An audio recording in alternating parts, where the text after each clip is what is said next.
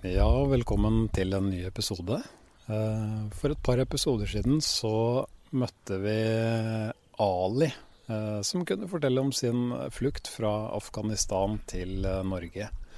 Denne gangen så skal vi møte en annen ung mann og høre om hans flukt, men da fra sitt hjemland Syria. Han ønsker å forbli anonym. Eh, Så akkurat hvor i landet vi er og hva han heter, det lar vi få forbli usagt, men det er helt greit. Eh, Han har sine private grunner til det.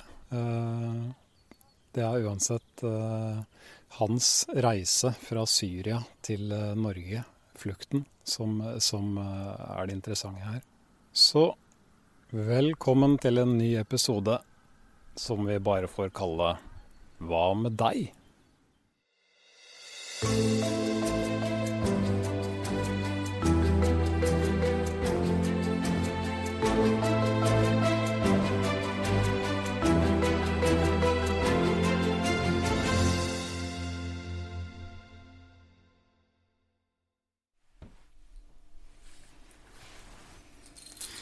Ja, da er jeg så heldig at jeg er blitt invitert hjem eh, til en eh, kar i 30-åra fra Syria, faktisk. Eh, som har en nokså interessant eh, historie å fortelle eh, om sin flukt fra Syria til Norge. Den skal han selvfølgelig fortelle selv. Jeg sitter med et kart foran meg, så skal jeg prøve å følge litt med på reisa her, som er litt interessant. Um, kan eh, hvor, hvor gammel er du nå? Jeg er 31 år.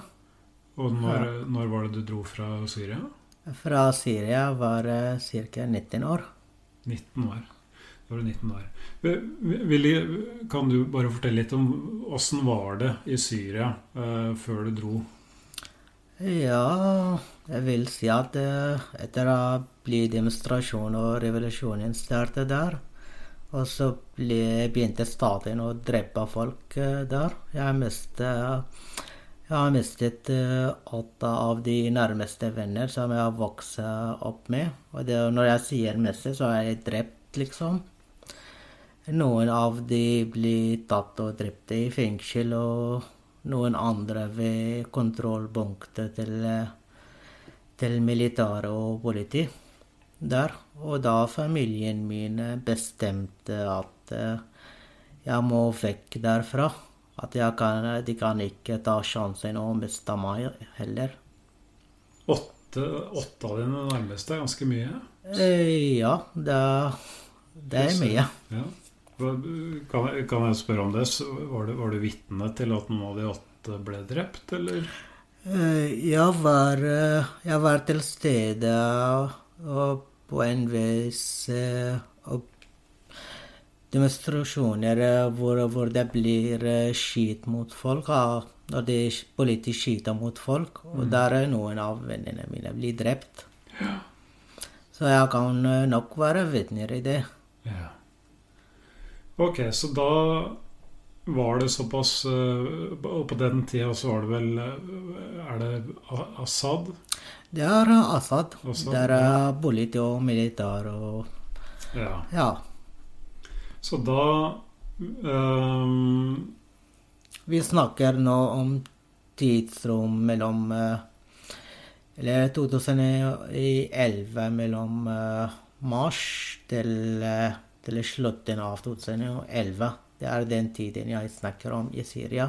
Mm. Der revolusjonen var helt i starten. Og da Ja, ikke sant, så da var det såpass urolig der at, at din far ønska da at nå må du komme deg ut av landet? Ja. Fordi det er alltid sånn seriene starter sånn.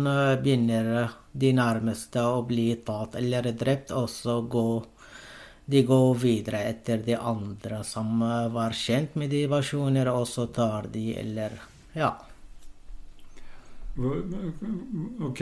Um, hva var da din første destinasjon? Altså hvor, hvor er det du dro uh, først etter uh, første gang du forlot Syria? Eh, Jeg dro til eh, Libanon jeg nøyaktig Tripoli, Tripoli da. Der, eh, der bodde jeg i tre år, eh, hvor jeg holdt av å jobbe i sånn fulltid. da. Ja. Hva har du jobba med da? Jeg jobber som barista. Ja. Hadde sånn Ja. Hadde ansvar for et stort eh, serveringssted. Og jeg var eh, godt likt av, av, eier, eh, av eieren der. Ja, men eh, allikevel, det var eh, hard jobb. Jeg måtte jobbe ca. 16 timer om dagen eh, for en rimelig blis. Ja.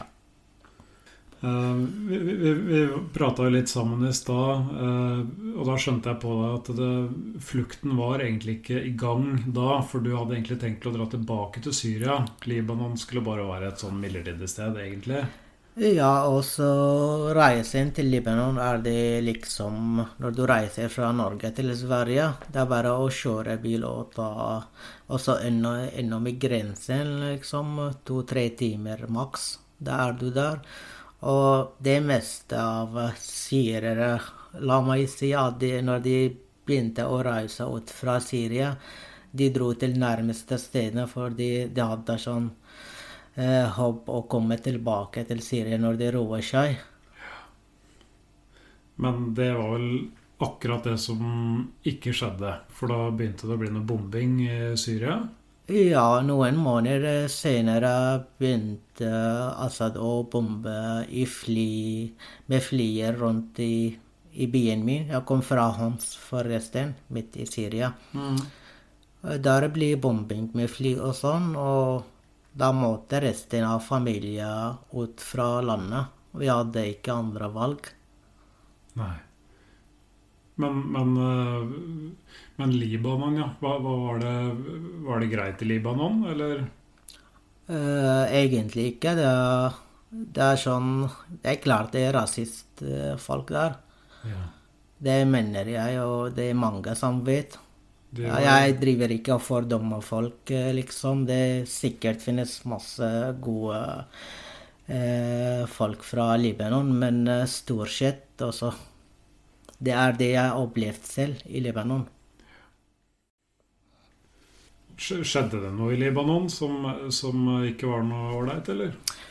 Eh, Jeg ble tatt eh, plutselig av eh, militæret i Libanon, selv om jeg er en sånn sivil person. Jeg hadde ingenting å gjøre med militær.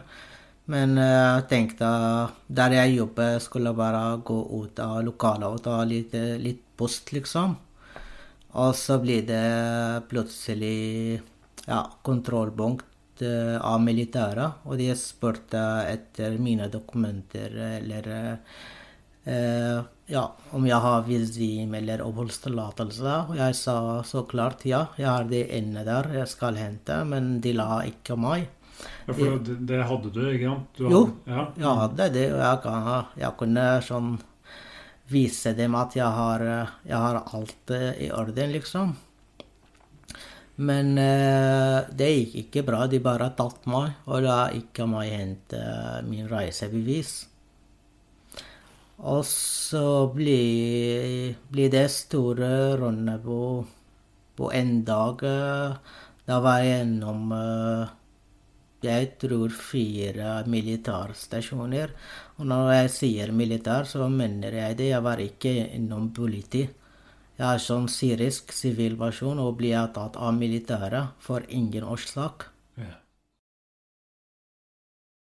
Ja. Og så- og så- hvordan var det de behandla deg eh, underveis? Jeg svarte dårlig. Eh, Fra starten når jeg ble tatt, så fikk jeg sånn svart bose i hodet mitt, hvor jeg kunne si ingenting. Og så strammer de, eller binder de hendene mine med sånn plastpinn. Og så blir jeg slengt i en sånn eh, stor dieselbil.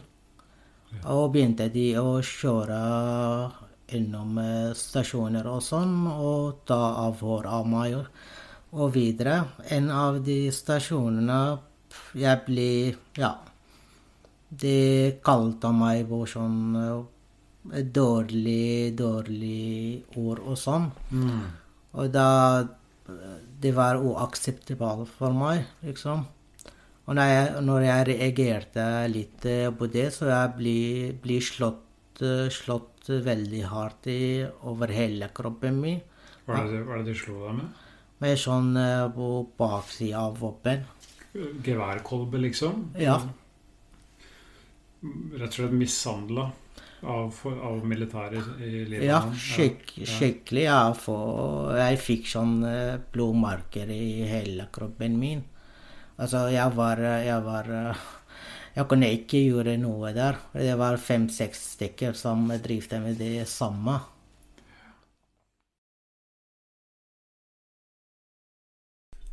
Ok, så da var det ikke, var det ikke Libanon eh, stedet å være. Eh, Dere kunne ikke dra tilbake til Syria, for der var det bombing. Um, Hvor er dere da valgte å reise når dere skulle forlate Libanon? Eh, vi tenkte å reise ja, til nærmeste sted til Syria, og det var eh, Tyrkia, egentlig.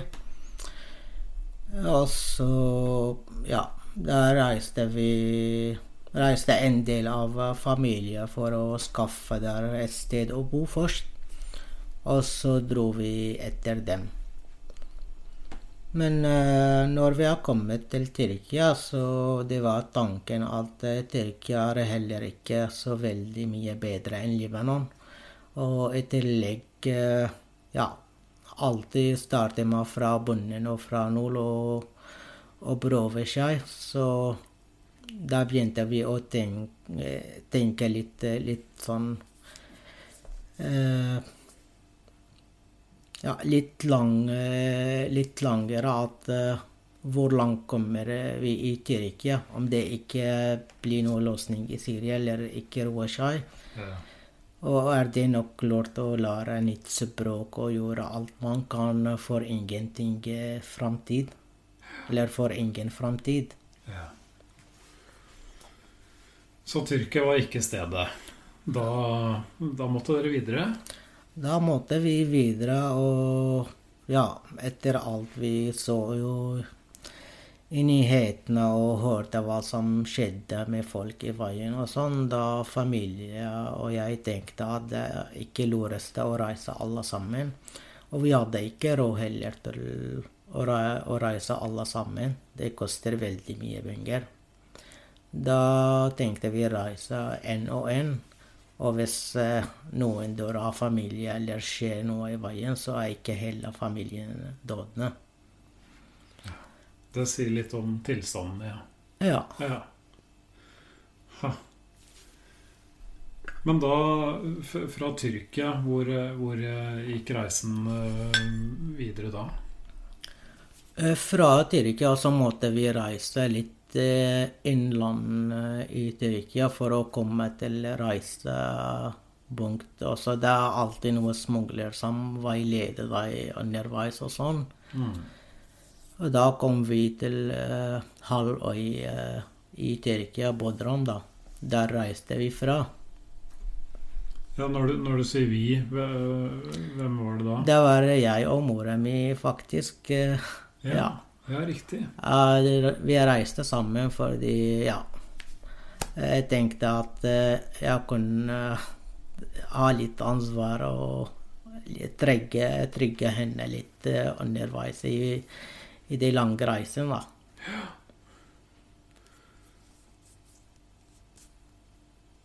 Så, så fra Tyrkia, hva, hva valgte dere å gjøre videre da? Eh, Vi valgte faktisk å finne Når vi valgte å reise fra Tyrkia, også tanken å finne et land hvor, hvor mennesker eh, kan være respektert der. Og særlig er det med sånn eh, ytringsfrihet og det vi, vi kjemper for i våre land. Mm, mm. Og det var tanken at uh, Europa kan være et valg, men det, det er så langt reise og vil koste oss veldig mye. Og vi hadde litt eh, kjentskap eh, rundt omkring i Europa og annet i Norge. Og vi har hørt eh, mye bra om Norge, faktisk. Men det er jo litt av en reisevei, da. Fra, fra Tyrkia til, eh, til uh, Ja, fra, fra, Tyrkia blir det reise fra, sånn, gjennom uh, Midtøsthavet. Med båt, da, eller? Ja, med en liten uh, båt. Kan si, ja. Og som ligner på en liten seilbåt, da. Ja, riktig. Så hvor, hvor, mange mennesker var det Ja, vi var rundt 100 eh, personer i den båten der. 100 personer? Okay. Den, eh, den, så klart er en båt for maks kanskje fem personer. Wow. Båten må jo nesten ha sunket pga. vekten? Eh, den er nesten sunket, og den stansa midt, midt på havet der de, de spurte om å få sånn en annen båt for å frakte oss.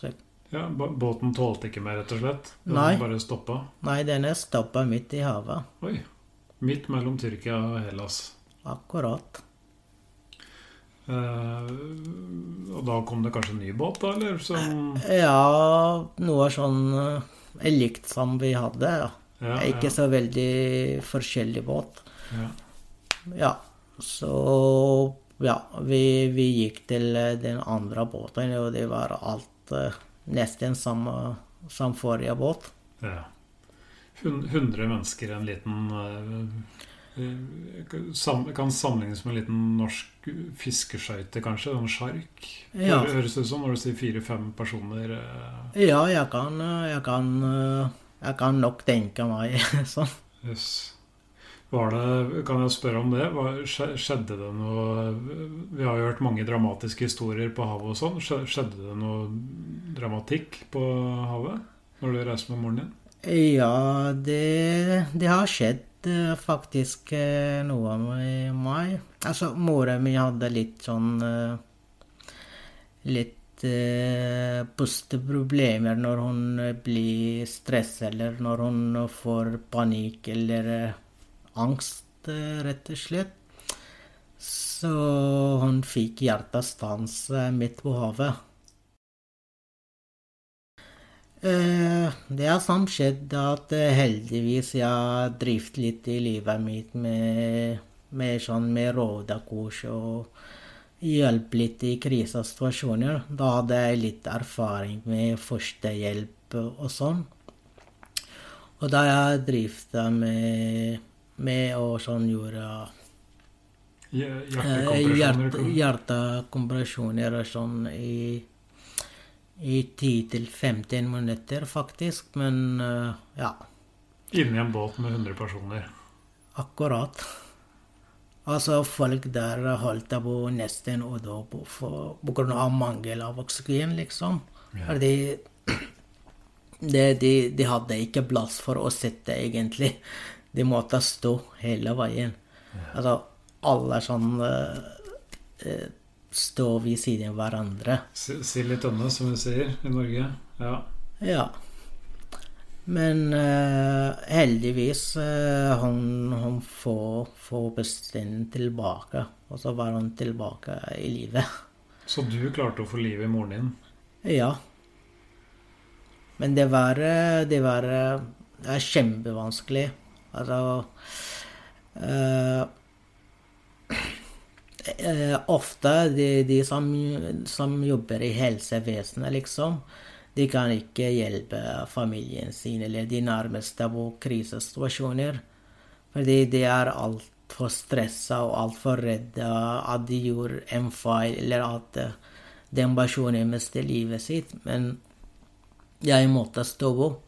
Og så ta alle tankene vekk fra, fra hodet mitt og bare fokusere på å få henne tilbake i livet. Så det, det er kanskje vanskeligste jobben jeg har gjort i livet mitt.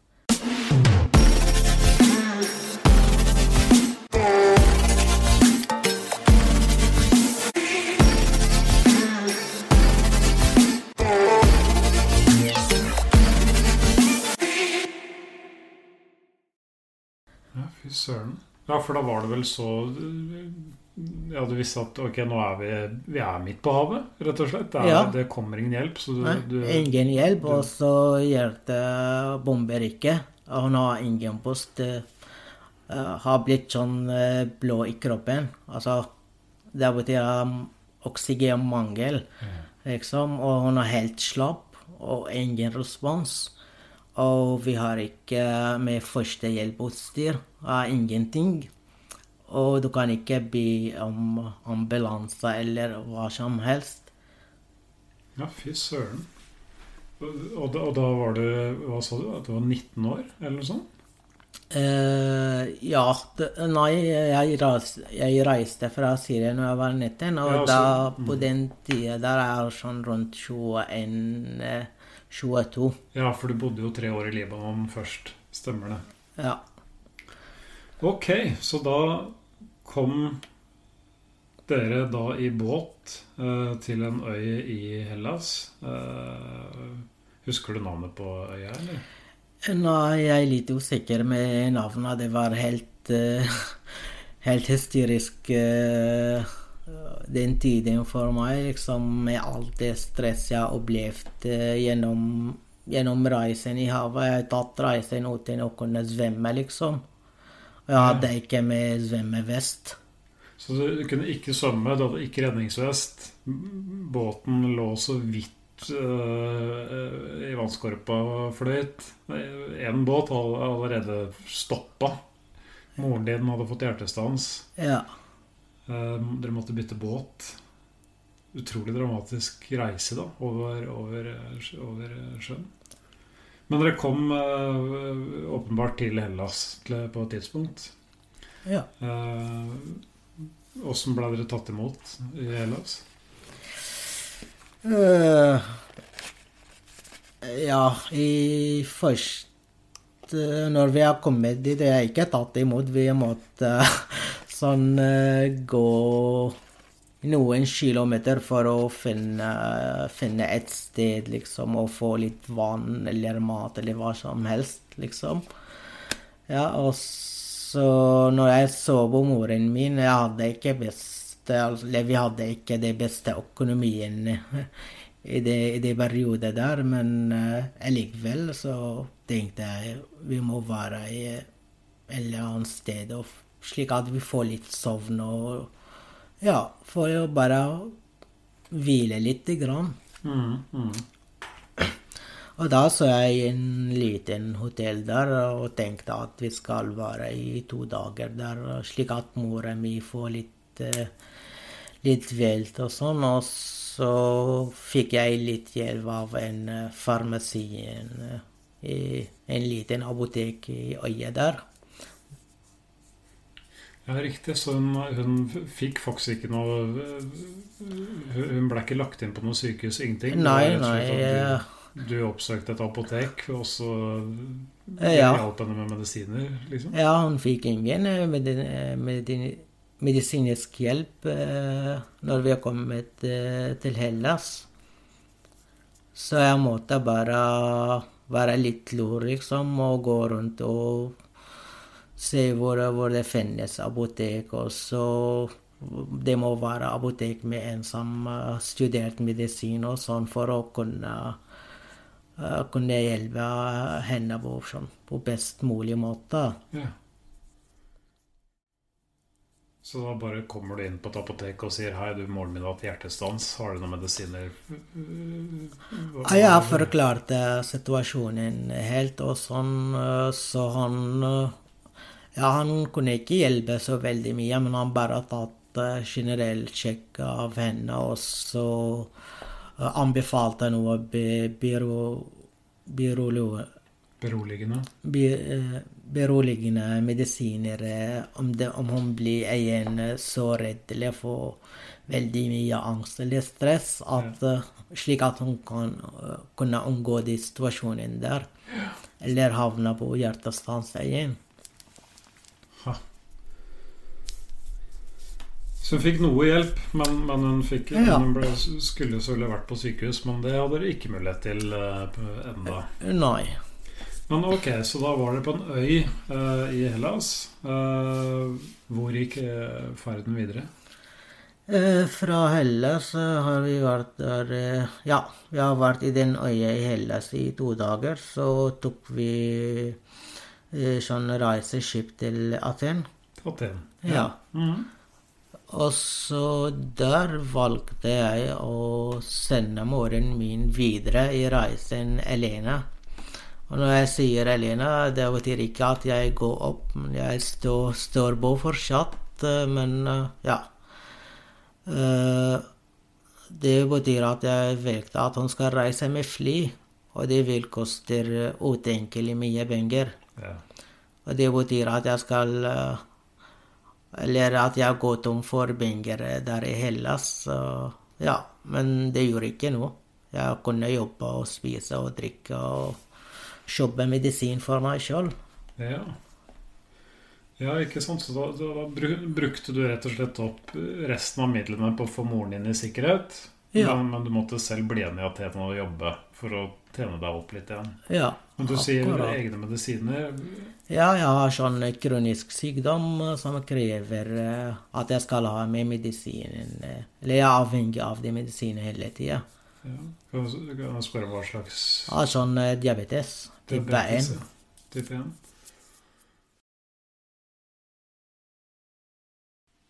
På en sånn reise så, så er du da rett og slett nødt Ja, du, det, er en stor risiko, da. Hvis du blir stoppa og det blir fratatt eiendeler og sånt. Hvis du ikke Ja, hvis noen tar fra deg medisi- medisinen og Ja, ja, absolutt. Jeg, jeg sørger hele reisen for at jeg har bare sånn eh, medisinen med meg. Altså.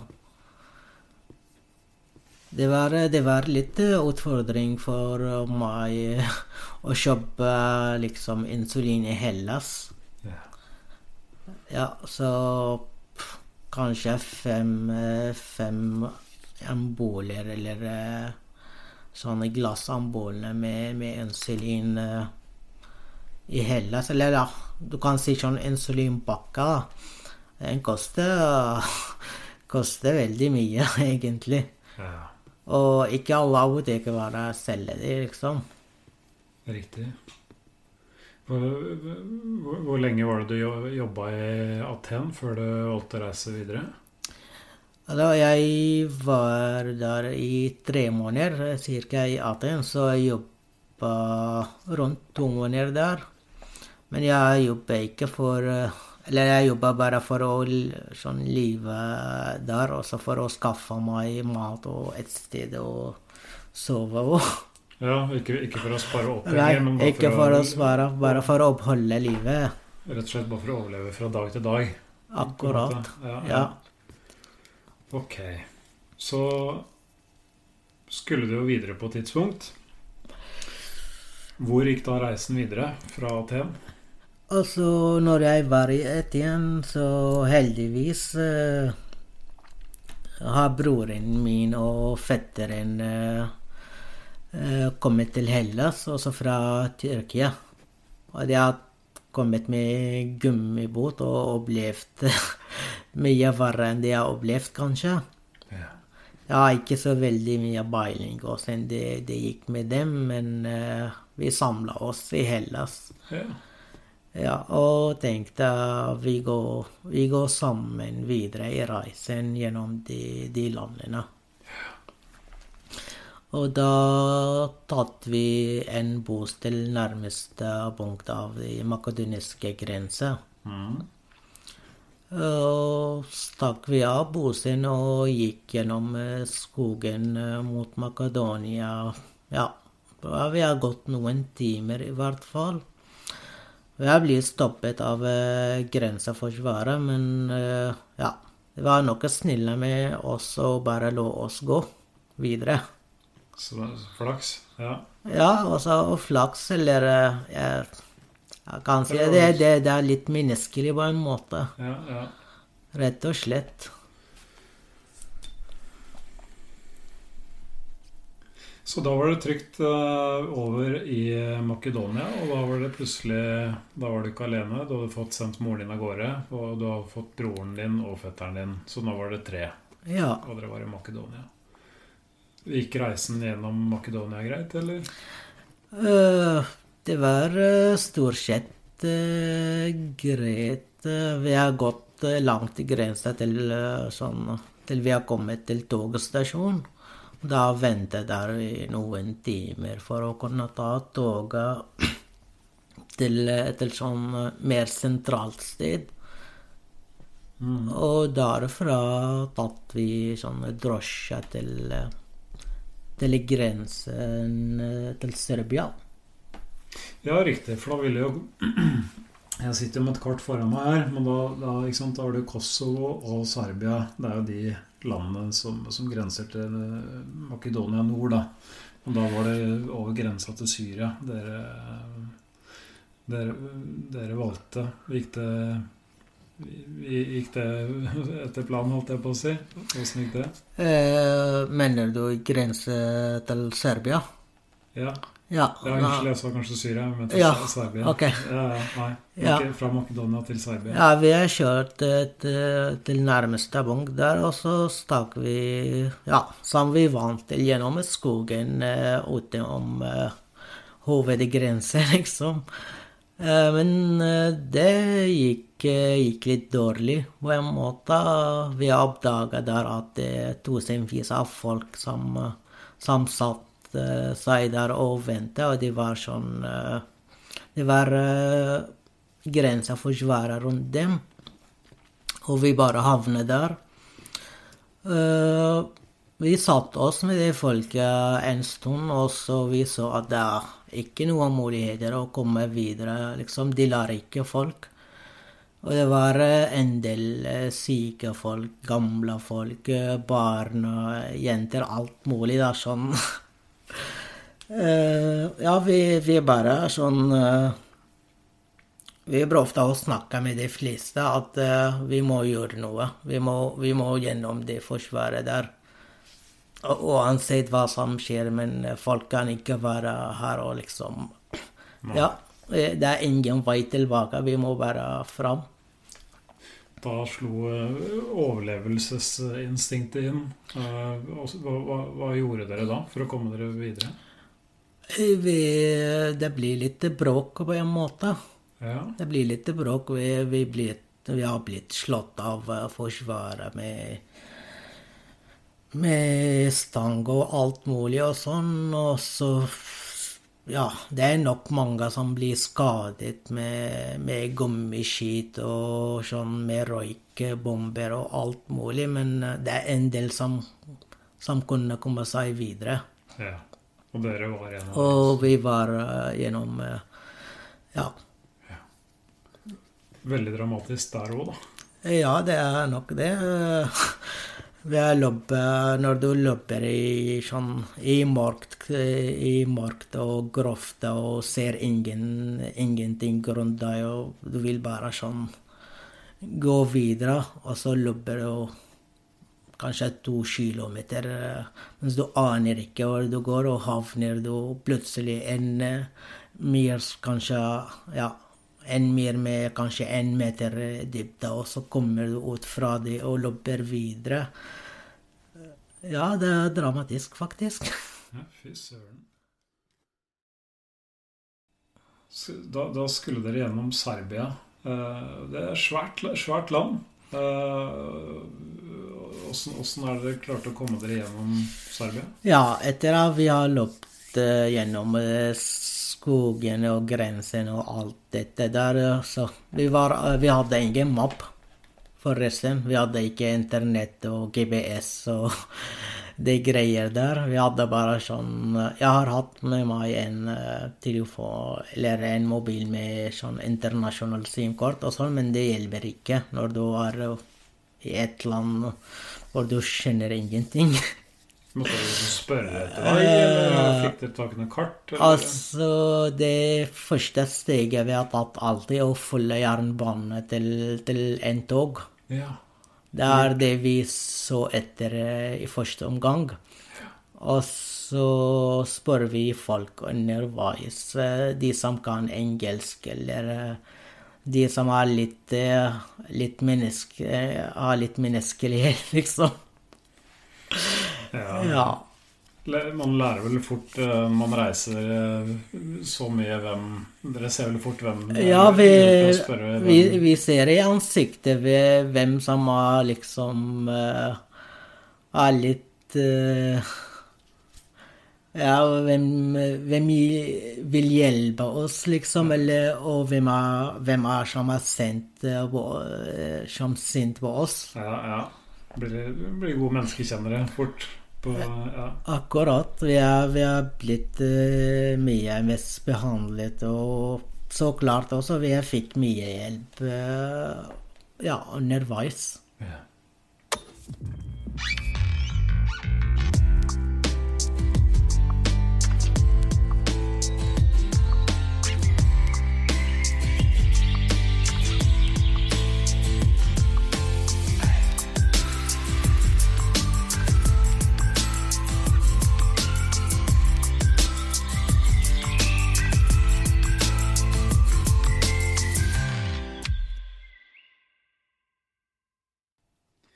Nord i Serbia så eh, går jo grensa til Ungarn.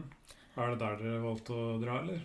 Eh, ja, men eh, det er eh, Det er kanskje de farligste grenser man skal gjennom i Europa. Ok.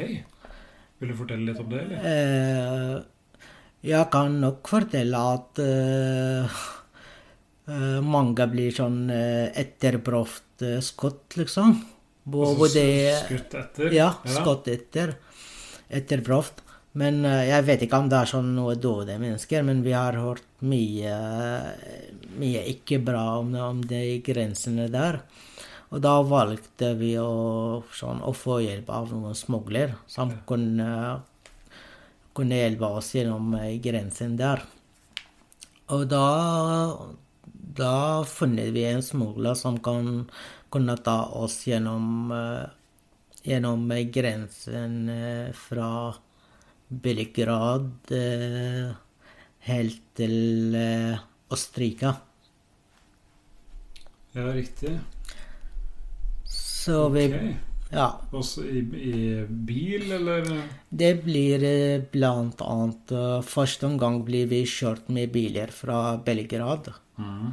Altså hovedstaden i Serbia, til, til området nær grensen hvor jeg ikke kjenner, liksom. Men, men men, så du sa at grenseovergangen fra, fra Serbia til Ungarn var kjempefarlig, men, gikk, men det gikk greit? Siden dere. Eh, det gikk greit eh, til sist, på en måte, fordi vi måtte etter det vi blir kjørt med, sånn, med vanlige drosjer og biler til grensa, da vi, da vi måtte gjennom en, eh, en langt eh, skog, eller grofta langt grense der. Og vi har gjemmet oss av forsvaret der og sånn, men de, de lå, lå sånn håndforsvaret etter oss. Og de begynte å finne hvor, hvor folk gjemmer seg og sånn. Og da Så hunder? Hunder, ja. Bikkjer? Ja, riktig. ja. Så da begynte vi å lobbe, liksom. Og ja. De fleste, de fleste klarte det, vil jeg tro. Jeg, jeg har ikke oversikt over hvem, hvem kunne gjennom eller ikke. Men det blei ble avført skudd mens dere løp over grensa, eller? Ja, det det skudde, skudde litt, og så de hadde sånne svære lys for å oppdage hvor mennesker er, og så Ja. Lyskastere. Ja, ja. Ha. Så til slutt eh, vi var, Han smugleren var med oss og veiledet oss hele, hele veien under den situasjonen hvor vi skal stoppe, og hvor vi skal gå, og hvor vi skal løpe og sånn, fram til vi har kommet til en liten asfaltvei. Og da plutselig kommer sånn eh, en, en varebil eh, veldig fort stoppe der, og vi måtte ca. 50 personer, personer i, i en sånn varebil til ca. maks 10 personer. Oi! Altså sånn, Nå snakker vi rett etter å ha kommet over til Ungarn. ikke sant? Ja. 50 personer inn i en liten varebil? Ja. Altså, eller sikkert en Ja, men, ja varebil, altså. ikke, det- ikke lastebil, men Nei, ikke lastebil. Varebil, mener jeg. Ja, fy søren. Det er som Mercedes varebil. Ja, riktig. Som med to passasjerer ten, Ti passasjerer. Ja, men det, de hadde ikke sånne stoler og sånn, så det er bare rett, rett på gulvet. Hvor, hvor, hvor, lenge måtte dere sitte i den bilen der? Vi måtte i den bilen uh, Jeg husker ikke helt, men uh, minst fire til seks timer. Ja. Vi var i den bilen sånn oppe opp hverandre og Ja. Og det, det, det, har vært sånn veldig, veldig vanskelig, faktisk. Vi kunne ikke ta bussen engang, og da begynte vi å bråke i bilen. Og så jeg holdt å dø, liksom. Og da da føreren ga opp til slutt og, og stoppa en bensinstasjon, hvor vi kunne bare gå ut fra bilen fem minutter og så samle oss igjen. Strekk på beina i fem minutter, og så var det rett inn i varebilen? Ja. Ha. Kjørte den dere helt til grei ut av Ungarn, eller hvor, hvor, langt kunne dere sitte på med denne varebilen? Jo, han, han kjørte ut, ut Ungarn. Mm. Så helt til Østerrike. Jeg tror det er nærmeste punkt. Eller nærmeste stasjon etter etter grensen til Østerrike. Ja. Da blir, blir, vi fra bilen i en sånn bensinstasjon. Stort stasjon, da. Mm, mm. Ja, uh, der der blir Altså, politiet kommer etter hvert, liksom. En time, kanskje en times tid. Da kom politiet. De fikk beskjed at uh, noen flyktninger i det området og sånn. Og da politiet samla, samla alle de og tatt, tatt meg til politisk stasjon. Og da Ja. Ble, vi ble ikke tatt, jeg og broren min. Vi var inne i stasjonen og kjøpte litt mat og kafé og sånn etter reisen. Men resten ble tatt. Og så tenkte Fordi fetteren min var med de som ble tatt. Og vi prøvde å få, få sånn drosje, taxi, noe hva som helst for å gå etter dem, liksom. Men vi fikk ikke til, så vi måtte bare vente til det kommer noe politi igjen, og så ble vi Vi ble, vi ble med dem, da. Vi dro til politistasjonen i Østerrike, og ja Jeg kunne både meg og broren min vi kunne litt engelsk, men resten av gruppa kunne nesten ingenting. Så vi, vi måtte være i tolkrollen noen ganger der. Og da folk ja blir litt misbehandlet, mener jeg. De måtte sånn plukke røyksnebber og sånn etter, etter politisjefen har spurt, spurt meg. Men uh, jeg nekta faktisk å, oversette det. Og så det ble litt en krangel mellom meg og politisjefen der. Og jeg visste ikke heller at han er politisjef der. Og da ble jeg tatt inn i fengsel pga. at jeg reager, reager, reagerte litt på det også. Fordi folk der har hadde ikke sånn røykt eller eh, hadde ikke skite rundt seg på en måte. Nei. Så de, de må ikke, ikke vaske og, og, bli behandlet på den måten. Så ja. Eh, da fikk jeg litt, litt for høyt blodsukker, eh, blodsukker og så spurte jeg etter, etter å få medisinsk hjelp. Og ble jeg frakta til til sykehuset der eh, med ambulanse. Og da ble politiet sendt med meg til stedet der i to dager, eh, for de la meg eh, i fred. ja, så etter at politiet dro tilbake til stasjonen, og jeg, jeg, blitt, jeg fikk litt bedre bedre evne, liksom, og fikk jeg alt alt på stell. Så gikk jeg etter broren min og fetteren, og så måtte vi igjen i hovedstaden til Østerrike. Og da reiste vi videre, eller vi ble enige om å spre oss, faktisk, fordi jeg og broren min eh, har planer å komme til Norge, siden mora, mora mi er her. Men fetteren min ville helst uh, oppholde seg i, i, Tyskland. Og da, da sprer vi oss der og tatt vi toget. Det blir bare meg og broren min som tatt toget til Hamburg.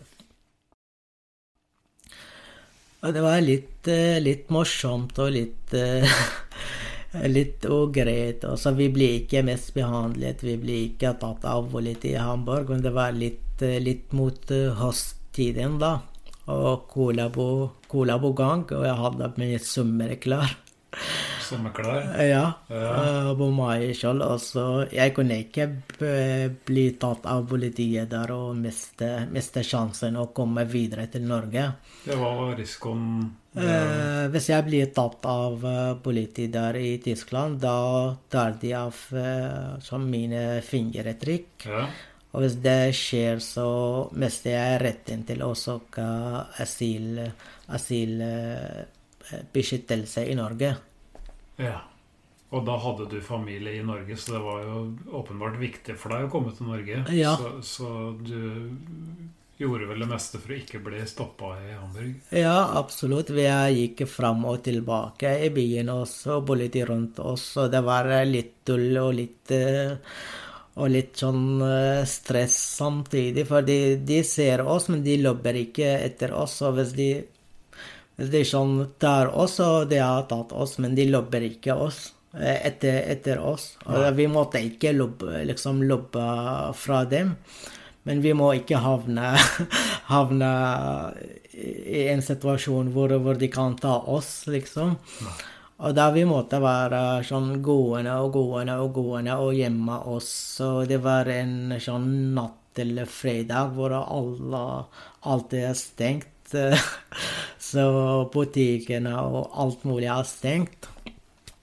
Så rett og slett til slutt hjemme gjemmer vi oss en politisk stasjon uten å vite at det er politisk stasjon. Men det er bare at det stedet hvor vi så ingen politi der. ja. Det var en sånn liten park, og det var bare parken til politistasjonen, faktisk, hvor vi gjemmer oss. Ordentlige løringer. Ja. ja. Så da ble det et døgn i Hamburg, og dere klarte da å ikke bli stoppa?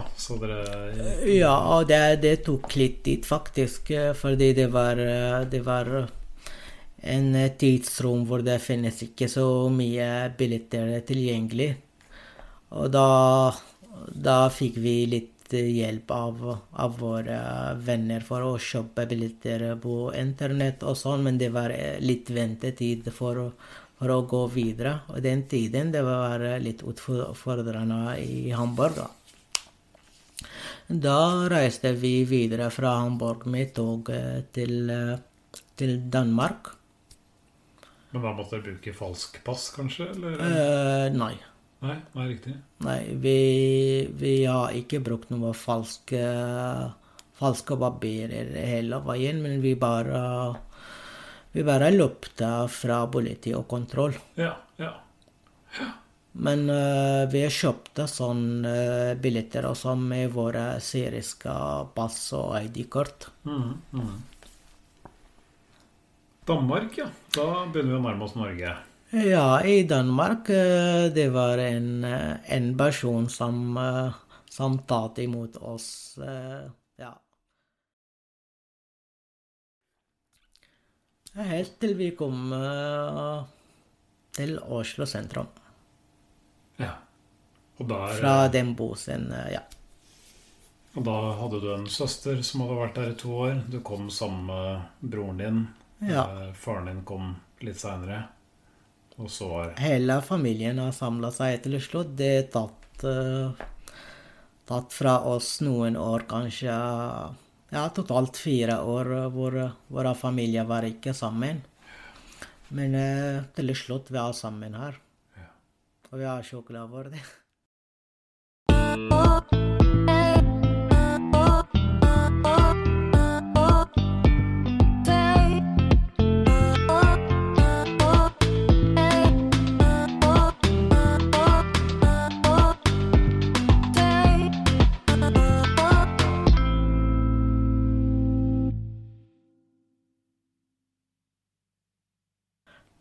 Du, takk for at jeg kunne møte deg. Jo, bare hyggelig. Det er veldig fint at uh, du tar tiden og så høre hva, hva opplevde folk før de kom til Norge, faktisk.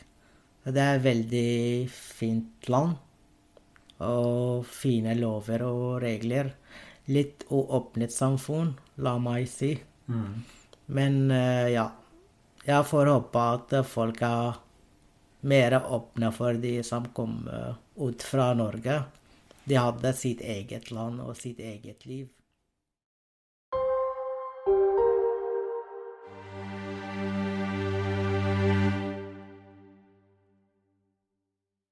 Du har lyttet til en podkast produsert av Fullblodslyd.